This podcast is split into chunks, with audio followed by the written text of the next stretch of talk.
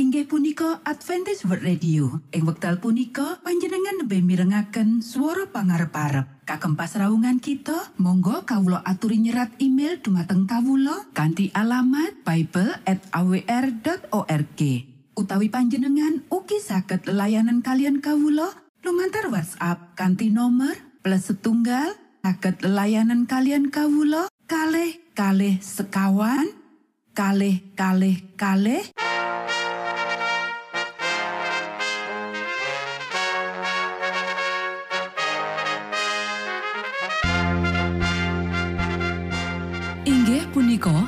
Adventist World Radio ingkang giaran kanthi basa Jawi.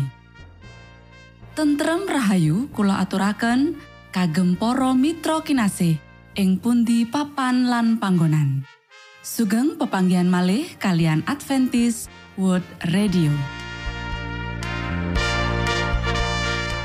Kanti bingahing manah Kulo badhe sesarengan kalian para mitra kinasih lumantar saperangan adicara ingkang sampun rinonci mligi kagem panjenengan sami. Mugi giaran punika saged migunani tuwin dados berkah kagem kita sedaya. Sugeng midhangetaken Gusti amberkahi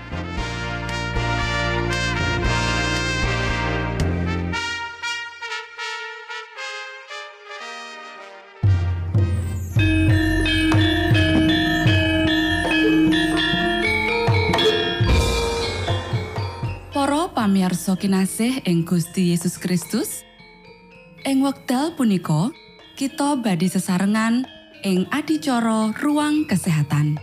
Ingkang saestu migunani kagem panjenengan saha kita sami. Tips utawi pitedah ingkang dipun aturaken ing program punika tetales dawuhipun Gusti ingkang dipunnyatakaken ing kitab suci. Semanten ugi sakehing seratan ingkang dipun wangsitaken dening Gusti Allah. Nanging saderengipun, monggo kita sami midhangetaken kidung pujian.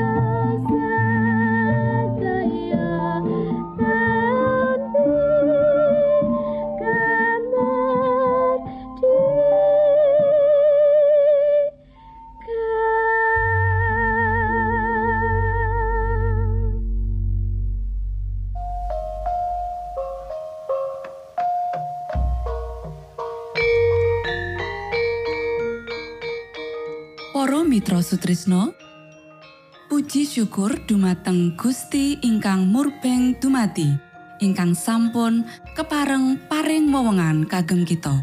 Satemah saged nglajengaken ruang kesehatan. Pirembakan kita semangke kanthi irah-irahan. Ajaan marang konco Makario.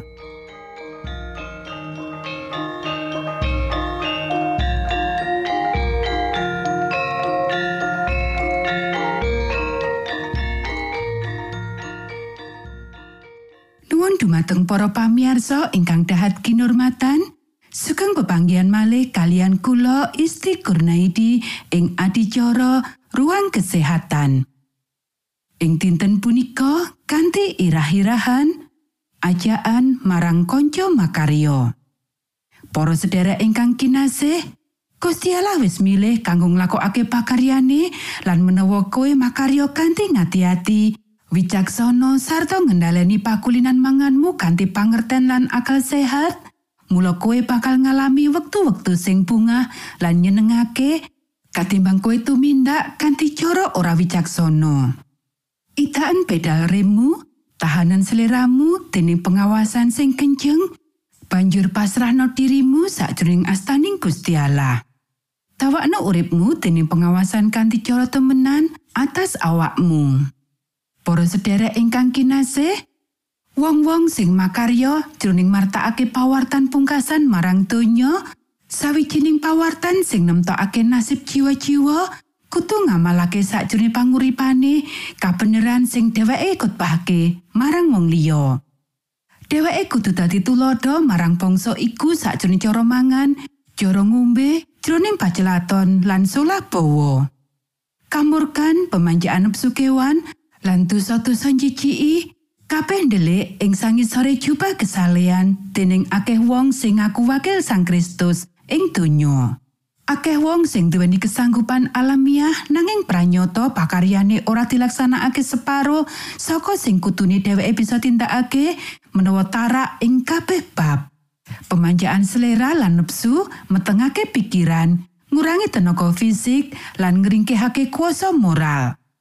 Pamikirane ora wening, tembung-tembunge ora diucapake kanthi kuasa, amarga ora diuripake kanthi roh Allah supaya bisa njamaati sing ngrungokake. Para sederek, sawetara leluhur kita sing kapisan kelangan patamanan Eden amarga pemanjaan selera, siji-sijine pangarep-arep kita kanggo antuk Eden maneh ya iku kanthi panyingkuri selera lan nepsu kanthi kenceng. Panganan prasaja lan pangendalian kabeh nepsu iku bakal ngrumat intelek lan menehi kekuatan mental lan moral kanggo nyanggupake menungso sakjroning mapanake sifat-sifate ing ngisore pengendalian kuasa sing luwih dhuwur lan betakake sing bener saka sing salah sing suci saka sing lumrah. Kabeh wong sing ngrasakake pangorbanane Sang Kristus sakjroning ninggalake kratone ing swarga lan rawuh ing bumi iki supaya panjenengane kanthi gesange dhewe bisa nuduhake kepiye nglawan panggoda bakal kanthi seneng nyingkur diri lan milih kanggo dadi pewaris kasangsaran Sang Kristus. Para sederek, wediase marang Gusti iku wiwitane kabeh hikmat. Wong-wong sing menang kaya dene Sang Kristus wis menang, perlu tansah ngayomi diri saka serangan pacoban setan. Selera lan nepsu kudu diwatesi ing sangisore pengendalian ati nurani sing bener, supaya intelek ora rusak, daya pikir wening, kanthi mangkono pakaryan setan lan kabeh cirete ojo dianggep sumbere saka Gusti Allah. Akeh wong menginake ganjaran pungkasan lan kamenangan sing bakal diparingake marang para pemenang, nanging ora lilo nanggung beban abot, masalah pribadi, panyingkuran diri, kaya dene wis dilakokake dening panebuse. Mung dening pamituhu lan pambudidaya sing terus-terusan, mula kita bisa menang kaya dene Sang Kristus wis menang. Para sederek, kuasa pangendalian selera bakal mbuktekake ambruke maewu wong. Menawa dheweke menang sakjane bab iki, dheweke bakal nduweni kuasa moral kanggo gayuh kamenangan marang saben pacupan liyane saka setan. Nanging dheweke sing dadi budak selera bakal gagal sakjroning kasampurnan tabiat kekristenan. Panerak manungsa sing terus-terusan sasuwene mawu taun wis nggawa lelara, rasa lara lan pepati dadi woe. Lan sawetara kita nyedaki pungkasan jaman, pacoban setan ngenani pemanjaan selera akan luwih kuoso lan luwih angel kanggo dikalahake. Matur nuwun, Gusti amberkahi.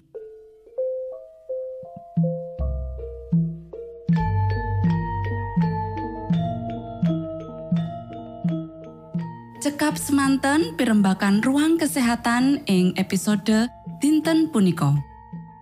Ugi sampun kuatos jalaran kita badhe pinanggih malih ing episode sak lajengipun.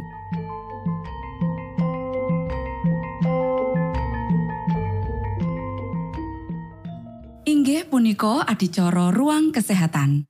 Menawi panjenengan gadah pitakenan utawi ngersakaken katrangan ingkang langkung, Monggo kulo aturi kinton email dateng alamat ejcawr@ gmail.com utawi lumantar WhatsApp kanti nomor 025 pitu 00 songo songo papat 00 pitu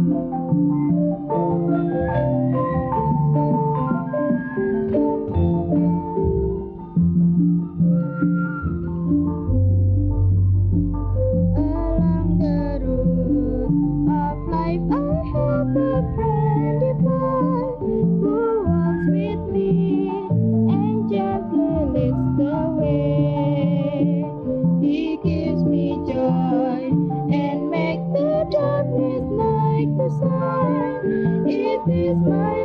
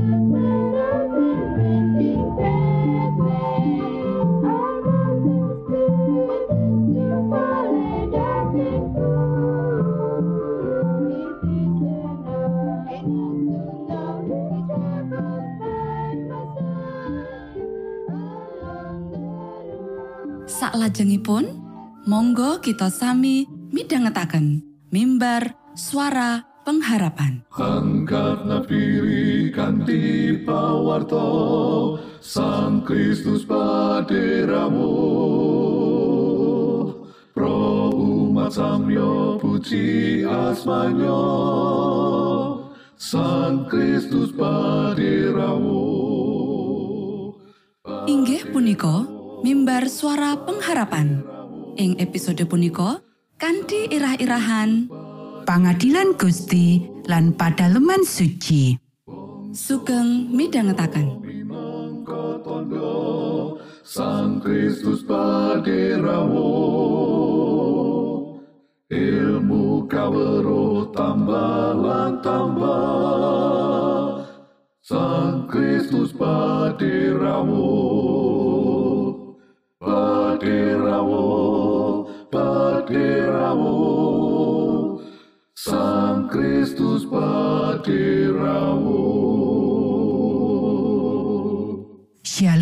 para sedherek ingkang kinasih wonten ing Gusti.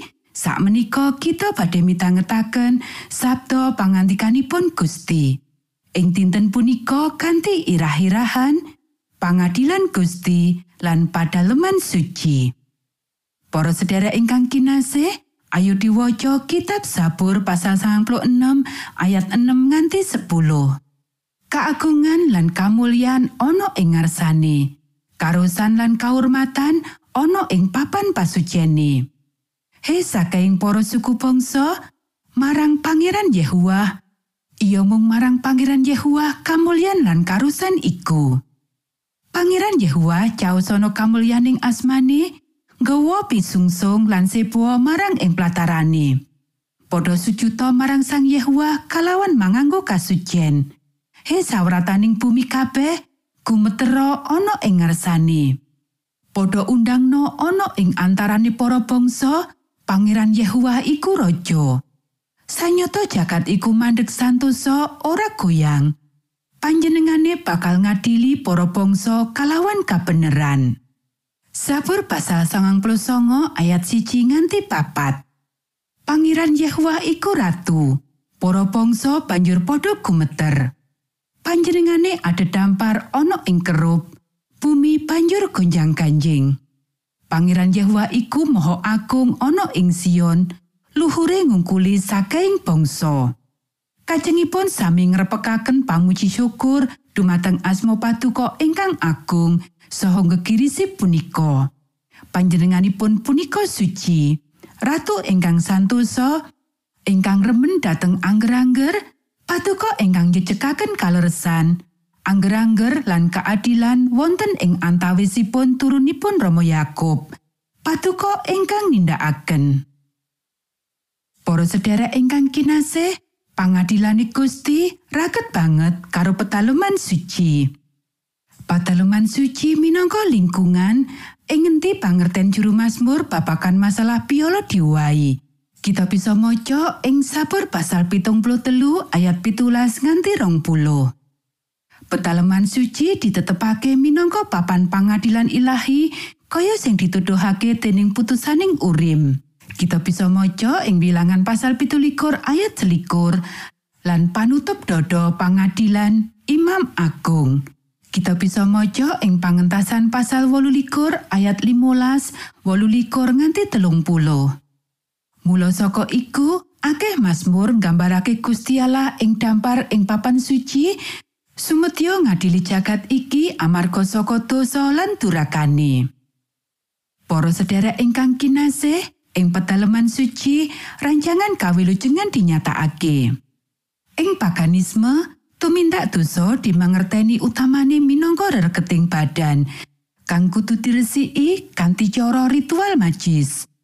Kosok balene, kitab suci nuduhake menawa dosa kuwi minangka tumindak panerak marang angger-angger moral Gusti Allah. Kasucian Gusti Allah ateges menawa Gusti Allah nresnani keadilan lan kayekten. Semono uga kudu nguti keadilan lan kayekten lan kudu nyembah marang Gusti Allah jroning kasucienane. Kanggo nindakake iku, wong-wong iku kudu netepi angger-anggering Gusti Allah kang Maha Adil kang minangka pratelan kasucianing Gusti Allah. Dadi pateleman suci minangka papan pangapuraning dosa lan mulihake kabeneran kaya sing dituduhake dening tutup pangruatan dampare Gusti Allah lan kurban kang bener. Kita bisa maca ing pangentasan pasal telung telu ayat 19 lan sabur pasal papat ayat 6. Nanging Gusti Allah kang ngapura paring piwales tumrap tumindak Allah wong kang ora meratobat.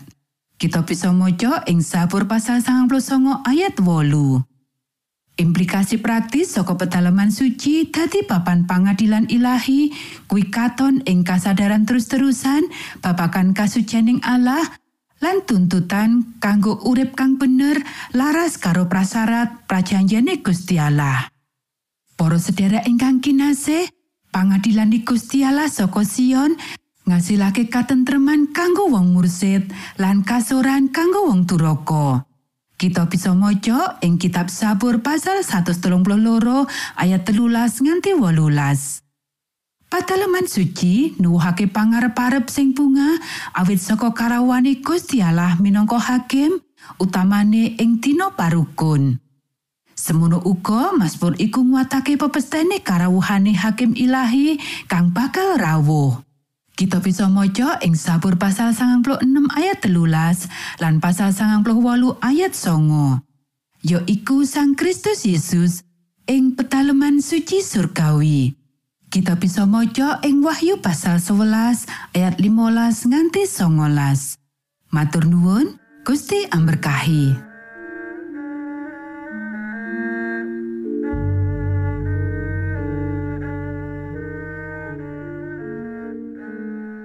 Mitra Sutrisno pamiarsa kinasih ing Gusti Yesus Kristus. Sampun paripurno pasamuan kita ing dinten punika. Menawi panjenengan gadah pitakenan utawi ngersaakan seri pelajaran Alkitab suara nubuatan Monggo Kulo aturi kintun email dateng alamat ejcawr at gmail.com utawi lumantar WhatsApp kanti nomor 025 pitu 00 songo songo papat 00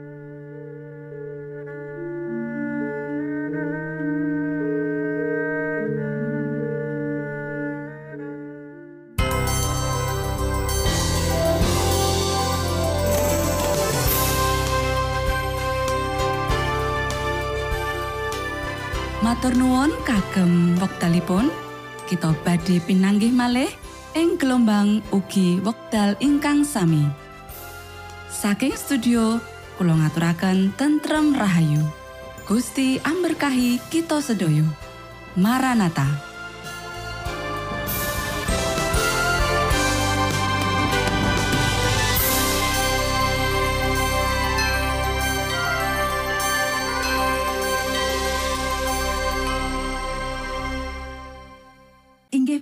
Adventist World Radio. Ing wekdal punika panjenengan lebih mirengaken swara pangarep-arep. Kagem pasraungan kita, monggo kawula aturi nyerat email dumateng kawula kanthi alamat bible@awr.org. Utawi panjenengan ugi saged layanan kalian kawula lumantar WhatsApp kanthi nomor plus setunggal saged layanan kalian kawula kalih kalih sekawan kalih kalih kalih